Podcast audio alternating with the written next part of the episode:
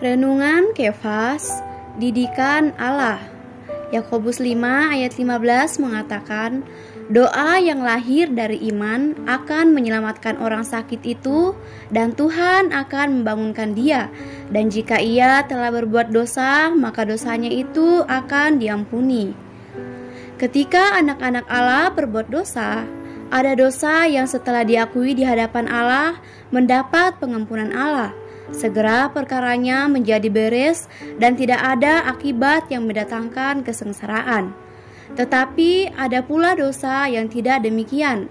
Meskipun sudah diakui di hadapan Allah, juga diampuni Allah, tetapi ada ganjaran sebagai akibatnya.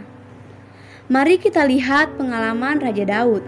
Daud adalah seorang yang diperkenan Allah, disenangi Allah, tetapi dia telah berbuat satu dosa yang besar, yaitu membunuh Uria dan merampas istrinya. Meskipun setelah ditegur Allah, ia mengaku dosa, menerima pengampunan Allah, tetapi masih ada ganjaran yang mengikuti pengampunan ini. Meskipun Allah telah mengampuni dosanya, tetapi ia membangkitkan situasi yang dengan hebat menganjarnya. Salah satu ganjarannya adalah dengan membiarkan Absalom anak Daud memberontak dan berencana untuk membunuhnya. Sebab Kefas, perkara dosa yang kita perbuat bisa diampuni oleh Allah, tetapi akibat dari perbuatan dosa itu tidak bisa lewat begitu saja.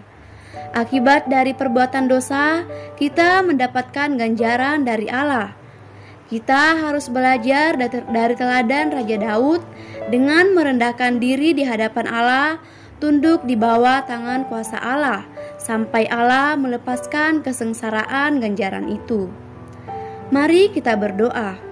Tuhan Yesus, aku mau seperti Raja Daud, belajar untuk merendahkan diri di hadapan-Mu. Meskipun dosa sekecil apa pun yang aku perbuat, aku tetap perlu mengakuinya di hadapan-Mu sehingga aku lepas dari ganjaran Allah. Amin.